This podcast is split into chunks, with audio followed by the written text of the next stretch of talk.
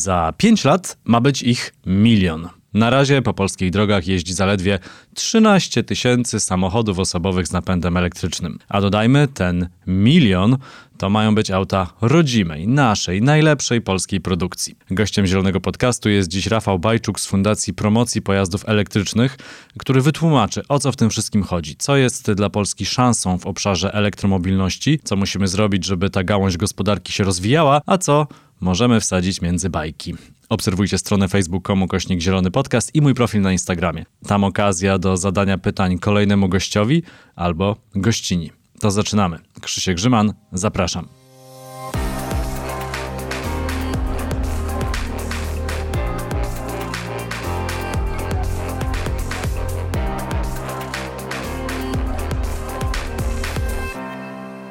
Rafał Bajczuk z Fundacji Promocji Pojazdów Elektrycznych jest gościem Zielonego Podcastu. Dzień dobry.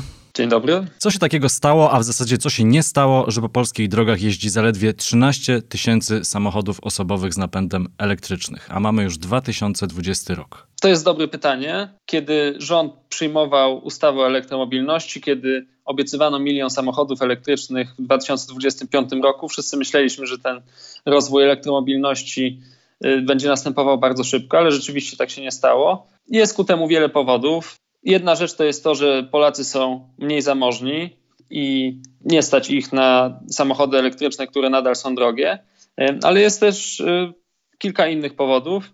Między innymi to, że cały czas nie wprowadziliśmy systemu wsparcia do zakupów samochodów elektrycznych.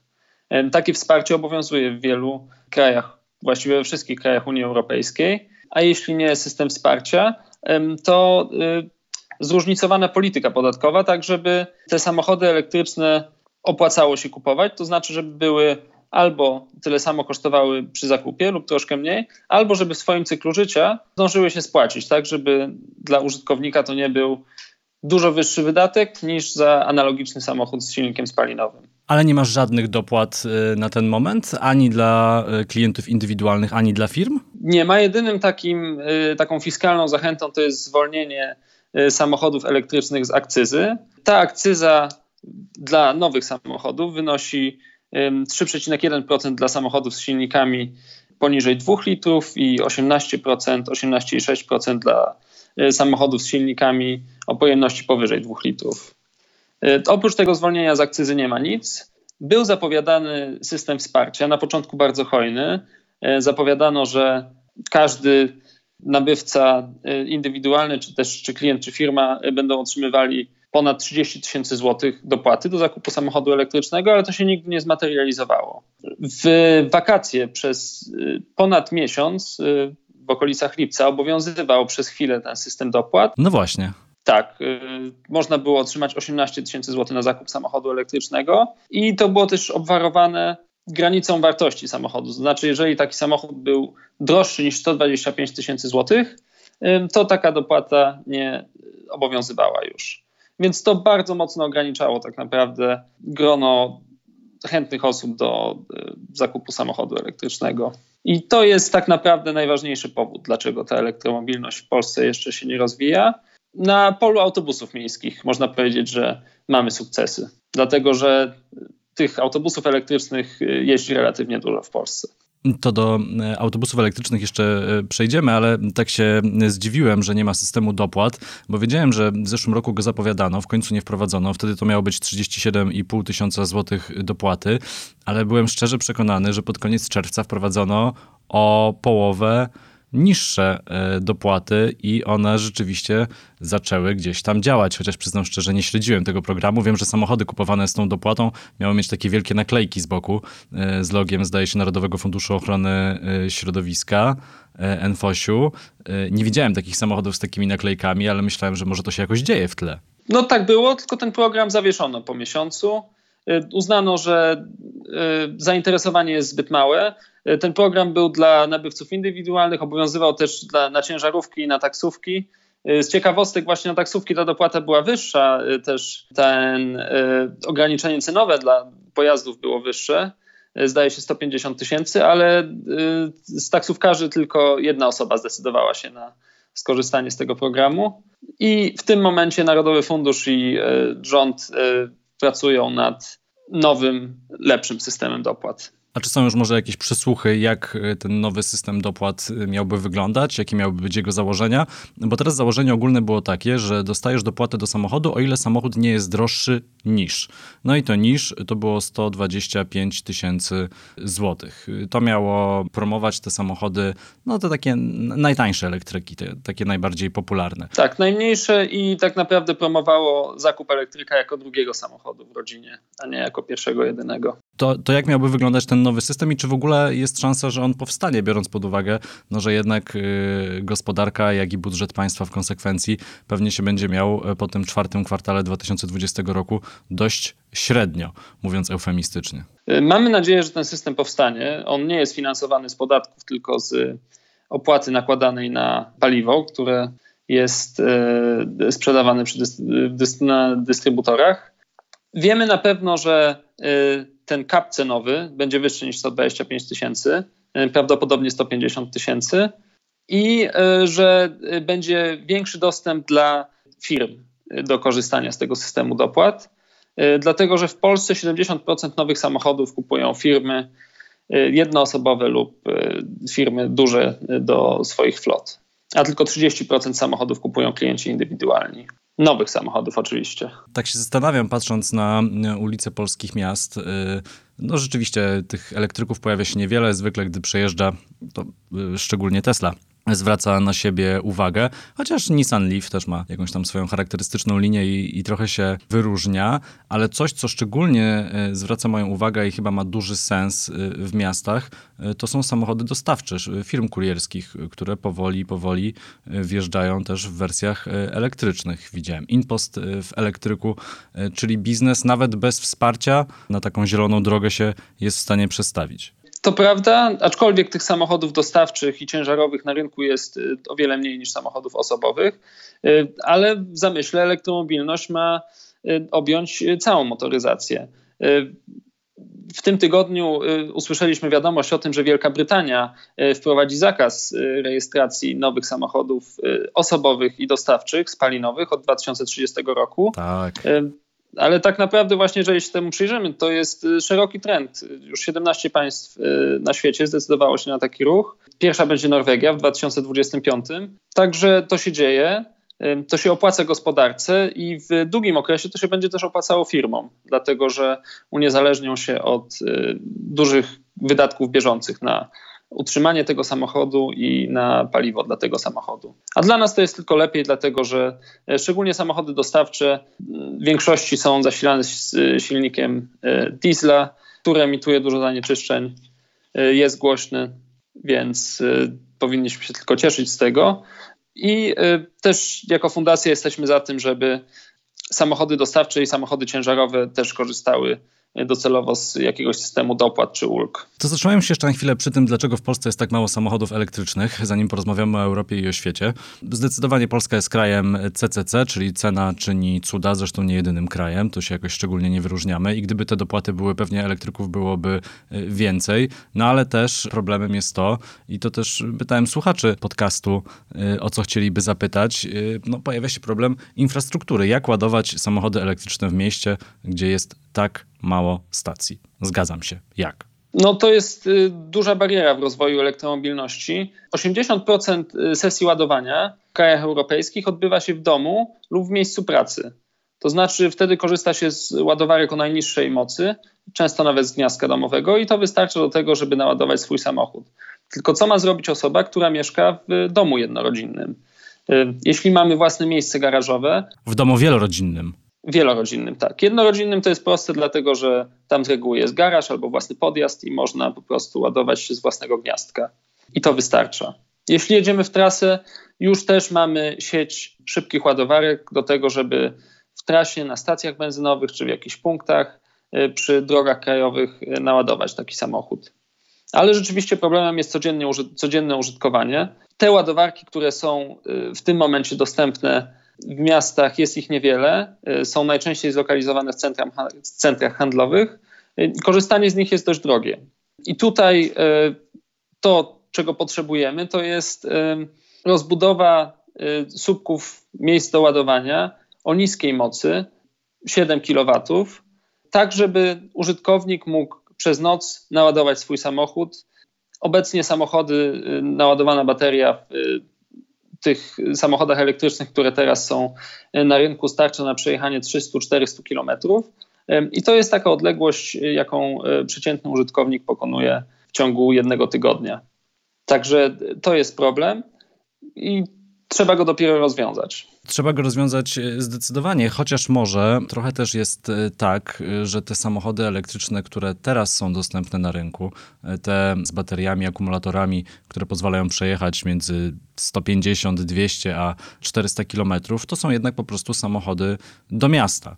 Czyli nie oczekujmy, od, że, że tym samochodem sobie pojedziemy gdzieś wygodnie na wakacje. W trakcie tegorocznych wakacji rozważałem pożyczenie samochodu elektrycznego, żeby pojechać na południe Polski i muszę przyznać, że to było dla mnie wielkie wyzwanie logistyczne. Zrezygnowałem ostatecznie, bo to byłoby mission impossible. Wystarczy, że jedna ładowarka na trasie byłaby akurat nieczynna, zepsuta i w zasadzie gdzieś bym w Polsce utknął, pomijając już koszty korzystania z tej infrastruktury ładowania, które są naprawdę dość wysokie. No ale wiadomo, to są szybkie ładowarki, tam te ceny są wyższe. Tak, y, no a korzystanie z y, samochodu elektrycznego do wyjazdu na wakacje, y, jeszcze za granicę, to jest najwyższy stopień wtajemniczenia w elektromobilność.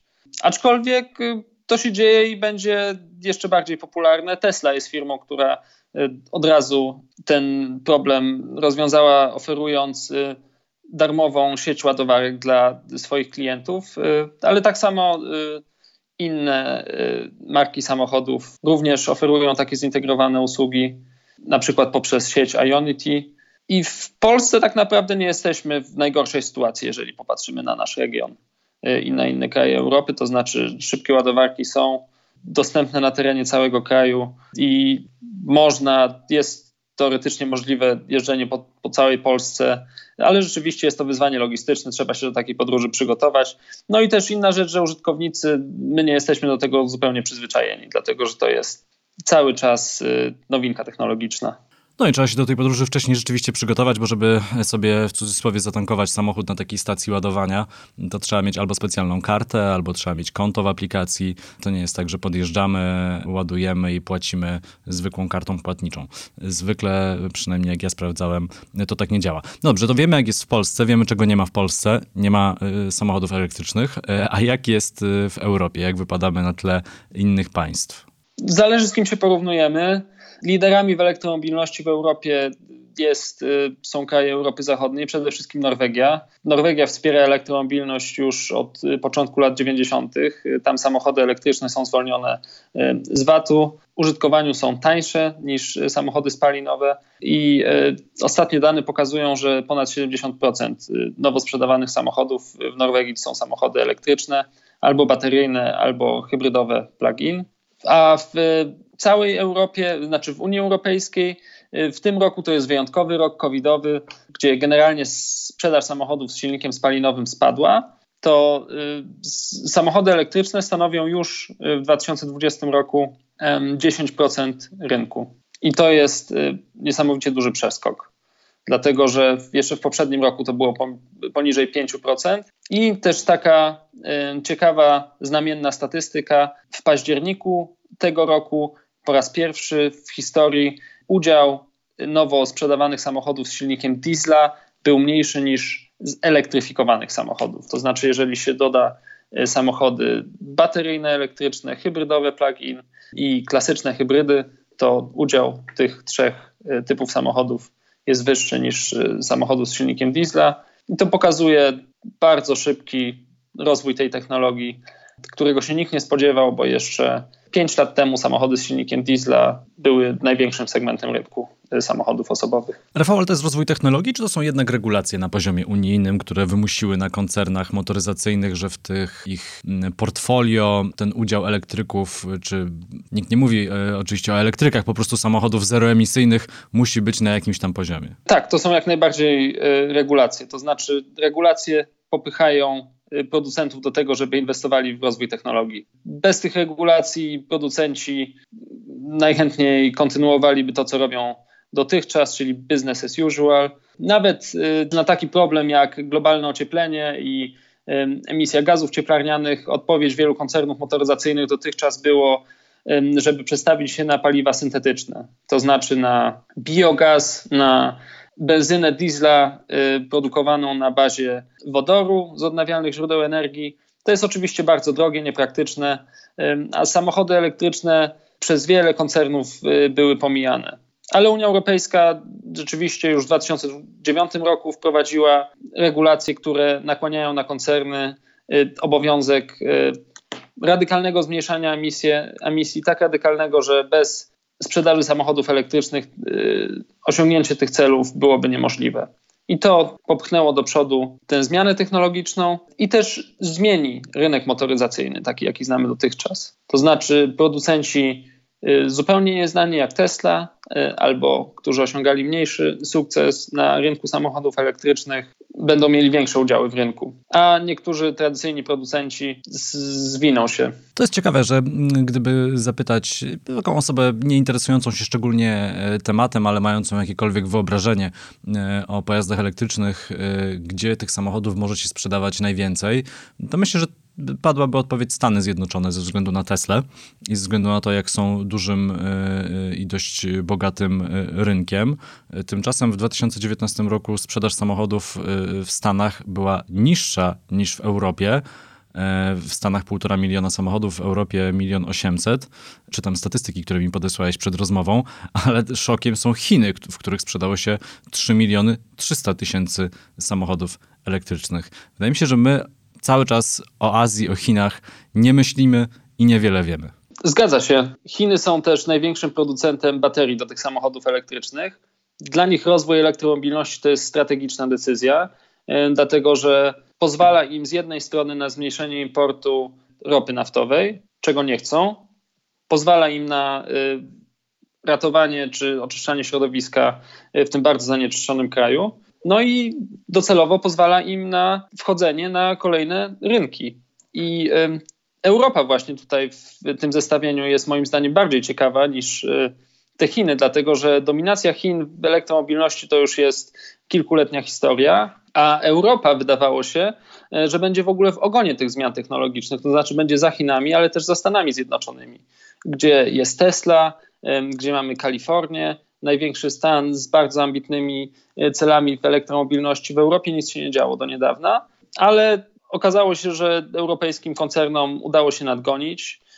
Unia Europejska stworzyła też e, inicjatywę, która się nazywa Europejski Sojusz na Rzecz Baterii i zainwestowała w europejskich producentów, którzy e, będą sami produkowali baterie, ogniwa litowo-jonowe które są najważniejszym i niezbędnym elementem e, samochodów elektrycznych. I e, taka też znamienna liczba.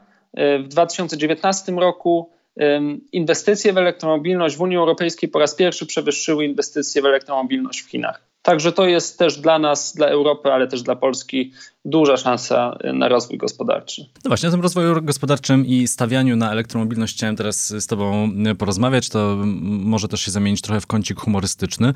Przypomnę, premier Mateusz Morawiecki w 2016 roku powiedział, że na polskich drogach będzie za 10 lat, czyli w roku 2025-2026, no, zależy jak liczyć, milion samochodów elektrycznych polskiej produkcji. E, oczywiście nie chodziło, nie chodziło tutaj e, o Meleksy. E, Jacek Sasin, to czysto humorystycznie wspominam, w tym roku odniósł się do tego mówiąc, że wszystko jest na dobrej drodze i plan się powiedzie. Specjalista od sukcesów. No ale teraz zupełnie poważnie. Jest podobno samochód elektryczny polski, nazywa się Izera. Gdzieś tam w internecie czytałem, że to jest po prostu jakaś Mazda przerobiona.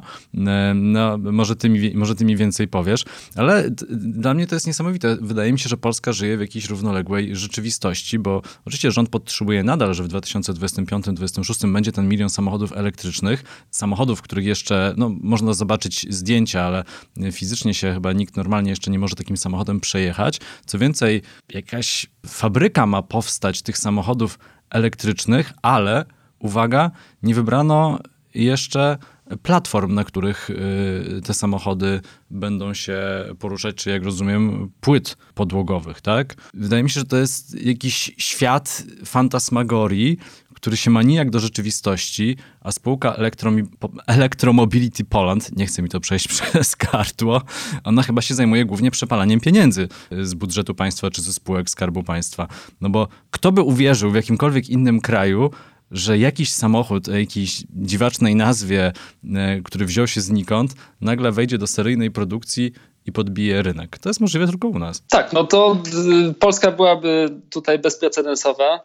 Co tutaj można więcej skomentować? Y, no sam Elon Musk powiedział, jak zaczynał Tesla, że y, rynek motoryzacyjny to jest najtrudniejszy rynek do wejścia i utrzymania się na niego. Bardzo skonsolidowany, gdzie są firmy z ponad stuletnią tradycją. Budowa samochodu to jest e, jedno z najbardziej technicznie skomplikowanych e, przedsięwzięć. E, a nie, przepraszam, tutaj muszę się poprawić. To nie chodzi o płytę podłogową, chociaż pewnie tej też nie ma. Tu chodzi o wybór potencjalnej platformy dostawców napędu elektrycznego. No to też taka błahostka w zasadzie w pojeździe elektrycznym, prawda? Jakby już prawie mamy gotowy samochód, brakuje nam tylko dostawcy napędu elektrycznego. No, wydaje się, że to będzie że nie uda się tego zrealizować. Doceniam Twoją dyplomację. Ale może obok równolegle wyjdzie z tego coś dobrego.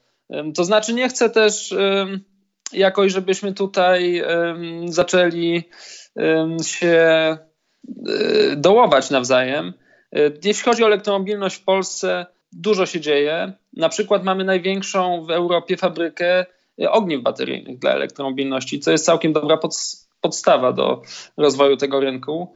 Y, innym fajnym przykładem jest to, że jesteśmy największym producentem autobusów elektrycznych y, w Europie. Produkuje u nas Solaris, produkuje u nas y, Volvo, polska firma Rafaco Ebus będzie zaczynać seryjną produkcję autobusów elektrycznych. Także tutaj coś się dzieje. A że rozpoczęcie produkcji własnego samochodu elektrycznego jest trudne, pokazuje na przykład przykład poczty niemieckiej. Deutsche Post, y, największe przedsiębiorstwo y, pocztowe w Unii Europejskiej, na początku lat y, drugiej dekady XXI wieku, na początku lat 2010, zrobiło przetarg na samochód lekki dostawczy do rozwożenia paczek pocztowych. Założenie było bardzo dobre, to znaczy taki samochód dostawczy przemierza dziennie około 100 km, bardzo dużo się zatrzymuje. Wtedy silnik spalinowy teoretycznie pali paliwo na marne. Ci pocztowcy nie znaleźli dobrego dostawcy i postanowili wspólnie y, z miejscową politechniką y, rozpocząć produkcję własnego samochodu elektrycznego, tak żeby później nawet tą produkcję przeskalować do góry i y, oferować taki pojazd lekki dostawczy komercyjnie. Rzeczywiście zaczęli to robić, zaczęli produkować te pojazdy, ale po kilku latach musieli zamknąć produkcję, dlatego że po prostu w żaden sposób nie wychodzili tutaj na prostą i dopłacali do tego projektu. To jest taki przykład, który pokazuje, że jednak y, produkcja samochodów jest trudniejsza niż, y, niż nam się wydaje. Ale z drugiej strony, jak widzimy, rynek y, samochodów elektrycznych rośnie bardzo szybko, a kurczy się rynek samochodów z silnikiem spalinowym. Także dla producentów otwiera się nowy świat możliwości w tym zakresie. Ale co bym jeszcze chciał powiedzieć dla Polski o naszych szansach gospodarczych związanych z tą elektromobilnością? To nie będzie. To poczekaj, to poczekaj tylko chwilę, bo ja się chcę wytłumaczyć ze swoich kpiarskich y, pytań, bo rzadko mi się to zdarza w podcaście, no ale żeby się zorientować, że trudno jest zbudować samochód y, od podstaw, to wydaje mi się, że y, przekonał się o tym każdy sześciolatek składając samochód z klocków Lego, duży samochód z klocków Lego bez tej książeczki. No to jest po prostu trudne, żeby złożyć coś ładnego, nie mając do tego planów. Nie wiem, czego spodziewał się polski rząd, że skąd powstanie nagle ten samochód samochód y, elektryczny, ale przecież mamy i mieliśmy branżę motoryzacyjną silną w Polsce, tylko że ona była silna nie tą produkcją własnych rodzimych samochodów, bo tych przecież nie produkujemy już od wielu lat, ale raczej produkcją y, samochodów y, dla zagranicznych koncernów, plus przede wszystkim produkcją części i podzespołów i w tym się specjalizowaliśmy. I zastanawiam się, jak komuś mógł przyjść do głowy taki pomysł, że nagle staniemy się specjalistami w budowie własnego brandu, własnej marki samochodów y, bez żadnego zagranicznego partnera, który miałby w tym y, jakieś doświadczenie i zastanawiam się, dlaczego to jest kontynuowane. To jest szósty rok przepalania pieniędzy na samochód, no, który pewnie będzie takim sukcesem, jakim będzie. No. Trudno się nie zgodzić i ciężko tutaj jeszcze coś dodać. Pomysł jest, jest bezprecedensowy w Unii Europejskiej. I no, wydaje się, że łatwiej byłoby, dlatego że to jest też bardzo trudny segment samochody osobowe, gdzie wymagania klientów są bardzo wysokie, gdzie też potrzeba dużego e, zaplecza serwisowego i marketingowego. E, wydaje się, że e, bezpiecznie byłoby rozpocząć taki projekt od jakichś samochodów użytkowych czy od jakiejś węższej niszy motoryzacji i później dopiero próbować wejść do sektora samochodów osobowych. No i wiemy też, że ta spółka Electromobility Poland nie robi tego sama, to znaczy współpracuje z zagranicznymi partnerami, czy jeśli chodzi o design, czy o projekt techniczny. Tutaj z niemieckim jakimś biurem y, projektowym jest współpraca y, z włoskim, także nie, nie robimy tego sami. No i ta platforma do budowy samochodu też będzie najprawdopodobniej zakupiona od, znaczy no, na pewno będzie zakupiona od y, zagranicznego producenta. To teraz coś pozytywnego. Tak, szanse elektromobilności, o tym zacząłem mówić. Ta duża szansa gospodarcza dla nas w elektromobilności będzie polegała na tym, że nasza cała gospodarka będzie mogła uniezależnić się od importu ropy naftowej y, i od y, spalania jej w silnikach, a zamiast tego będziemy mogli zasilać cały sektor transportowy energią elektryczną, którą będziemy mogli produkować y, sami i najlepiej poprzez odnawialne źródła energii. Także jeśli sobie to uzmysłowimy i wyobrazimy, to byłaby wielka jakościowa zmiana. I równocześnie rozwiązałoby to jeden z największych takich problemów cywilizacyjnych Polski obecnie, czyli y, zanieczyszczone powietrze. I to jest właśnie, myślę, ta prawdziwa szansa gospodarcza, a nie możliwość y, hipotetyczna y, rozpoczęcia produkcji własnej, własnych samochodów. Ta Wielka Brytania, o której żeśmy y, wspomnieli, nie produkuje własnych samochodów osobowych. Nie musi. Jest y, jedną z największych gospodarek Unii Europejskiej, ale tę siłę gospodarczą czerpie z innych branż, innych sektorów. Samochody osobowe w większości importuje. To przejdźmy e, do pytań od słuchaczy, bo są ciekawe i mnie też niektóre zaskoczyły. Pierwsze pytanie od Marty. E, czy ty sam jeździsz samochodem e, elektrycznym, a jeśli tak, to na jakie problemy napotykasz na co dzień? Dzięki za pytanie. Niestety nie jeżdżę samochodem elektrycznym. W fundacji testujemy samochody elektryczne. Recenzje z tych testów umieszczamy w magazynie, który jest darmowy i dostępny, Green Car Magazyn. Jeżdżę, na co dzień poruszam się rowerem i miałem przyjemność y, przez rok korzystania z roweru elektrycznego.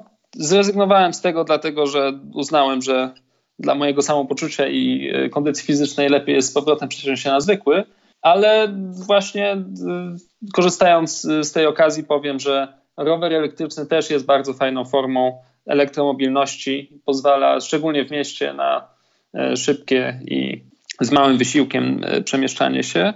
Co do jazdy z e, samochodem elektrycznym na co dzień, myślę, że mój następny rodzinny samochód to będzie samochód elektryczny. I tutaj rzeczywiście największym wyzwaniem dla użytkowników to jest kwestia ładowania. Jeżeli mieszkamy w domu jednorodzinnym albo mamy do dyspozycji miejsce garażowe, to nie ma z tym mniejszego problemu. Jeżeli nie mamy własnego miejsca parkingowego i możliwości ładowania samochodu przy niskiej taryfie, no to trzeba wtedy ten zakup samochodu elektrycznego dobrze przemyśleć i zaplanować. To znaczy, jak chcemy go używać i gdzie, gdzie ładować. Ale generalnie jazda samochodem elektrycznym jest bardzo przyjemna, cicha i mamy jeszcze ten plus, że możemy w miastach y, parkować za darmo. To kolejne pytanie, idealnie nawiązujące do tego, o czym mówiłeś. Y, czy wejdą jakieś przepisy ułatwiające instalację prywatnych ładowarek w garażach na parkingach budynków wielorodzinnych? E, w tym momencie Ministerstwo Klimatu pracuje nad ułatwieniem takich przepisów. Teoretycznie teraz też można montować własną ładowarkę w garażu podziemnym. Z tym, że według obecnych przepisów musi się na to zgodzić wspólnota mieszkaniowa, więc to wymaga trochę więcej zachodu z naszej strony. Ale generalnie jest też y, prawo unijne, dyrektywa o paliwach alternatywnych i o efektywności energetycznej wskazuje na to, że prawodawstwo krajowe będzie musiało taką możliwość to znaczy, że będzie musiało wprowadzić prawo, które umożliwi w łatwy sposób montowanie takich ładowarek w istniejących budynkach i w nowych budynkach one będą standardem. Lecimy z kolejnym pytaniem. Czy można kupić używanego elektryka za granicą i sprowadzić go do Polski bez większych problemów? Na co musimy uważać w takim y, przypadku? Jak najbardziej. Tak samo jak w przypadku samochodów osobowych spalinowych. To znaczy my importujemy bardzo dużo używanych samochodów. Jesteśmy pewnie największym importerem y, samochodów używanych w Unii Europejskiej. To jest y, bardzo dobry pomysł, y, import takiego samochodu. Trzeba uważać tak naprawdę tylko na jakość i stan baterii. Jeżeli ta bateria była używana w zły sposób, jeżeli samochód ma bardzo duży przebieg, to taka bateria może być bardzo mocno zużyta, a wymiana baterii w samochodzie elektrycznym to jest bardzo droga inwestycja. Także uważajmy na baterie i importujmy samochody używane elektryczne. To kolejne pytanie, bardzo konkretne. Czy można udostępnić własny prąd, na przykład z solarów, innym kierowcom za opłatą lub darmowo? Czy to jest zgodne z prawem? My jako osoba prywatna. Jak najbardziej. E, zgodne z prawem, darmowo, za opłatą. E, trudno mi powiedzieć, e, nie jestem prawnikiem. Wydaje się, że, że też, aczkolwiek nie jest to powszechne. Nie ma takich aplikacji. Wiem, że w innych krajach, szczególnie w krajach rozwijających się, taka samopomoc sąsiedzka jest y, powszechna w kwestiach y, ładowania samochodu elektrycznego. Y, u nas nie. Jeżeli ktoś ma samochód elektryczny, to z reguły korzysta z własnego gniazdka albo z tych komercyjnych ładowarek. I kolejne pytanie od Grzegorza. Czy fundacja lobbuje w Polskim Związku Motorowym lub podobnej organizacji, żeby wprowadzić jakąś serię wyścigową z autami elektrycznymi i przez sport motorowy promować elektryki? Też wydaje mi się to dobrym pomysłem, takim lifestyle'owym. Tak, to znaczy my nie lobbujemy y, za organizacją y, takich wyścigów w Polsce, aczkolwiek y, staramy się o tym pisać, szczególnie o wyścigach Formuły E i y, szerzyć wiedzę na ten temat. Odsyłam tutaj do y, naszego magazynu Green Car Magazine. Y, tam udostępniamy recenzje z samochodów elektrycznych, wywiady z osobistościami polskiej elektromobilności i piszemy też sporo o wyścigach Formuły E. Y, to już powoli kończąc naszą rozmowę, a rozmawiamy w takich czasach, w jakich rozmawiamy, rozmawiamy też dlatego zdalnie, y, bo cały czas mamy ten taki miękki lockdown y, i szalejącą pandemię, czegokolwiek statystyki by nie wskazywały, to jednak w szpitalach dzieje się źle. No a przez to, że źle dzieje się w naszym życiu, to i źle dzieje się w gospodarce. Czy elektromobilność i te wszystkie branże związane z produkcją, czy to samochodów, czy tak jak wspomniałeś, elektromobilność nie ogranicza się tylko i wyłącznie do samochodów osobowych, to są też autobusy, e, to mogą być samochody dostawcze, to mogą być wreszcie rowery elektryczne, te wszystkie, e, nie wiem jak się nazywa ta kategoria osobistych środków transportu chyba, e, czyli hulajnogi na przykład, czy na przykład elektryczne skutery. To jest szansa dla Polski, a, a może inaczej, a może co z tej całej szerokiej kategorii elektromobilności może być szansą dla polskiej gospodarki?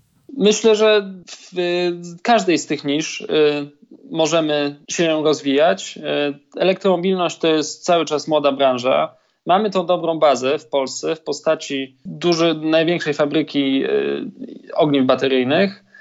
Już teraz jesteśmy wielkim producentem autobusów elektrycznych. Myślę, że, znaczy teraz tak to się dzieje de facto. Rozpoczynamy elektromobilność od elektryfikacji przede wszystkim pojazdów e, komunikacji publicznej, od autobusów. E, I ta elektromobilność będzie też się rozwijać coraz szybciej, dużo szybciej niż nam się wydaje. Dlatego e, to jest na pewno branża przyszłościowa. Polskie fabryki e, samochodów już teraz powoli się przebranżawiają na produkcję samochodów elektrycznych i generalnie mamy tutaj bardzo dobre perspektywy do tego, żeby skorzystać na tym na tym skoku technologicznym. I chyba tu możemy e, tym optymistycznym akcentem e, zakończyć i tutaj możemy postawić kropkę. Rafał Bajczuk z Fundacji Promocji Pojazdów Elektrycznych był gościem Zielonego Podcastu. Bardzo Ci dziękuję za rozmowę. Dziękuję bardzo. I muszę dodać, że jesteś idealnym gościem do Zielonego Podcastu, bo nie dość, że mówisz o pojazdach elektrycznych, to jeszcze sam jeździsz rowerem. Super kombo. Dokładnie. To był Zielony Podcast. Kolejny odcinek w niedzielę w wolnym czasie zajrzyjcie na stronę facebook.com gośnik Zielony Podcast i mój profil na Instagramie. Tam okazja do zadania pytań kolejnemu gościowi albo gościni. Krzysiek Grzyman, do usłyszenia.